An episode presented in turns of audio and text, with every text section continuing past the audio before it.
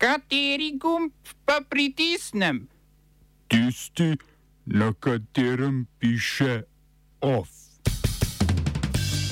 Bolgarski poslanci izglasovali nezaupnico vladi Kirila Petkova. Evropski parlament pozval voditelje držav EU naj Ukrajini in Moldaviji podelijo status kandidatke. V Ekvadorju protesti proti ekonomskim politikam predsednika Guillerma Lasa. Nataša Pirc-Musar napovedala kandidaturo na prihajajočih predsedniških volitvah. V kulturnih novicah alelujanje za izginjajoča kulturna prizorišča.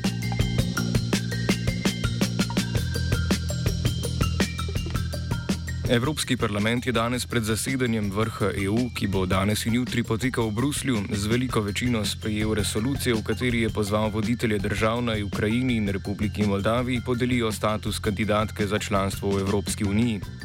Enako bi morala biti obravnavana tudi Gruzija, potem ko bo izpolnila prednostne naloge, ki jih je navedla Evropska komisija. Resolucija je bila sprejeta v luči vojne v Ukrajini in v širjenju EU vidi izjemno geostrateško pomembnost v času ruske agresije. Povdarili so tudi, da članstvo po hitrem postopku še vedno ne pride v poštev in da je priključitev EU še vedno pogojena z izpolnjevanjem meril Unije. Brez statusa kandidatke je kljub predlogu Slovenije ostala tudi Bosna in Hercegovina. Razočarane so tudi druge balkanske države, ki so imele ob robu vrha Evropskega sveta srečanje z voditelji držav EU. Napredka ni bilo pri pogajanju o članstvu Makedonije in Albanije, ki sta dobili status kandidatke leta 2005 in 2014. Potek sestanka je bil tako slab, da je bila novinarska konferenca po koncu srečanja odpovedana.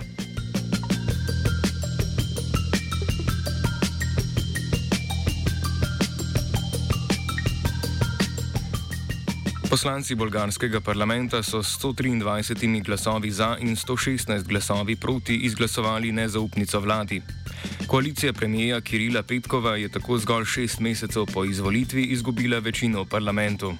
Glavna razloga za izkazano nezaupnico, ki jo je vložila konzervativna stranka Gerb nekdanjega premijeja Bojka Borisova, sta nestrinjanje glede uporabe proračunskih sredstev in spor o odstranitvi blokade na začetek pristopnih pogajanj za vstop Severne Makedonije v Evropsko unijo.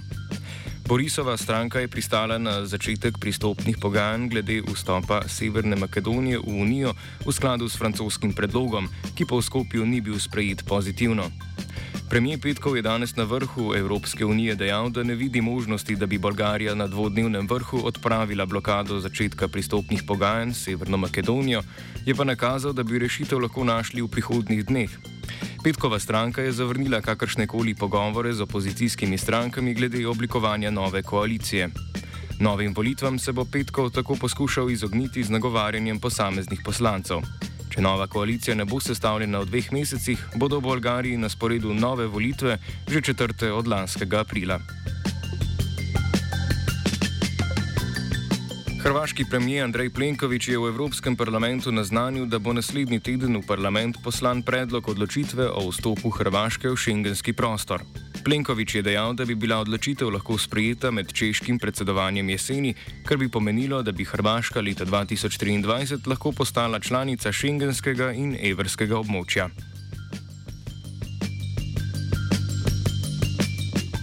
Italijanski poslanci so včeraj s 410 glasovi za in 29 proti potrdili resolucijo, ki podpira politiko tehnokratske vlade Marija Dragija do Ukrajine. Včeraj je namreč iz koalicijske stranke Gibanja petih zvest odstopil zunani minister Luigi Di Maio, ki je predsednika stranke in nekdanjega premijeja Giuseppeja Conteja obtožil nasprotovanja vladne politike do vojne v Ukrajini. Čeprav je Italija odvisna od ruskega plina, je Dragijeva vlada v Ukrajino poslala orožje ter podprla ukrajinske prošnje za vstop v Evropsko unijo in sankcije proti Moskvi. Dimajo je s 60 poslanci, ki so prav tako odstopili, že oblikoval novo poslansko skupino Skupaj za prihodnost. Zaradi nestrinjanj glede politike do vojne v Ukrajini so se pojavila ugibanja, da bi to lahko močno oslabilo koalicijo, vendar je Conte že dejal, da jo njegova stranka še naprej podpira.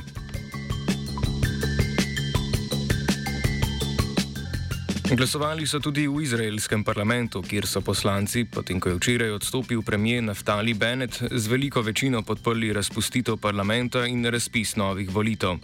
Bennettova koalicija je bila pred odstopom manjšinska, saj jo je sestavljalo zgolj 59 od skupno 120 poslancev. Do dokončne razpustitve bi se tako znotraj opozicijskih strank lahko oblikovala nova koalicija, s čimer bi se lahko izognili novim volitvam. Če se to ne bo zgodilo, se Izraelu jeseni obetajo že pete parlamentarne volitve v manj kot štirih letih. V Ekvadorju že deset dni potekajo protesti proti ekonomskim politikam predsednika Guillerma Lasa. Včeraj se je na ulicah glavnega mesta Quito zbralo okoli 15 tisoč protestnikov, večinoma staroselskih prebivalcev. Glavne zahteve protestnikov, ki so v prestolnico prišli iz vse države, so regulacije cen goriva in kmetijskih izdelkov ter večje državno financiranje šolstva. Predsednik Laso je predstavnikom Konfederacije staroselskih narodnosti Ekvadorja, krajše Konaje, ki organizirajo proteste, ponudil dialog. Predstavniki so pogajanje zavrnili, saj zahtevajo, da vlada predtem odpravi izredne razmere, ki trenutno veljajo v šestih od 24 ekvadorskih provinc. Nasilje na protestih se je vsak dan stopnjevalo, zaradi česar sta umrla dva protestnika. V amazonskem mestu Pujo, kjer potekajo intenzivni protesti, so protestniki zažgali policijska vozila in policijsko postajo, zajeli pa naj bi tudi tri pripadnike policije. Policija je do zdaj pridržala 87 protestnikov, med njimi tudi vodjo staroseljcev Leonidasa Izo, ki pa je bil medtem že izpuščen. smo se osamosvojili, nismo se pa osvobodili. Naslednje štiri leta še 500 projektov. Izpiljene modele, kako so se strani nekdanje LDS rotirali. Ko to dvoje zmešamo v pravilno zmes, dobimo zgodbo o uspehu. Takemu političnemu razvoju se reče udar. Jaz to vem, da je nezakonito, ampak kaj nam pa ostane? Brutalni obračun s politično korupcijo. To je Slovenija, tukaj je naša zemlja, to je Slovenija, Slovenija, Slovenija. Evropska komisija je začela s preiskovanjem prevzema mreže benzinskih servisov OMV Slovenija strani mađarske energetske skupine MOL. V predhodni preiskavi je komisija namreč ugotovila, da bi prevzem lahko močno zmanjšal konkurenco na drobno prodajnem trgu za pogonska goriva v Sloveniji. OMV in MOL sta namreč konkurenta na že tako močno koncentriranem slovenskem trgu pogonskih goriv, prevzem pa bi to konkurenco še zmanjšal.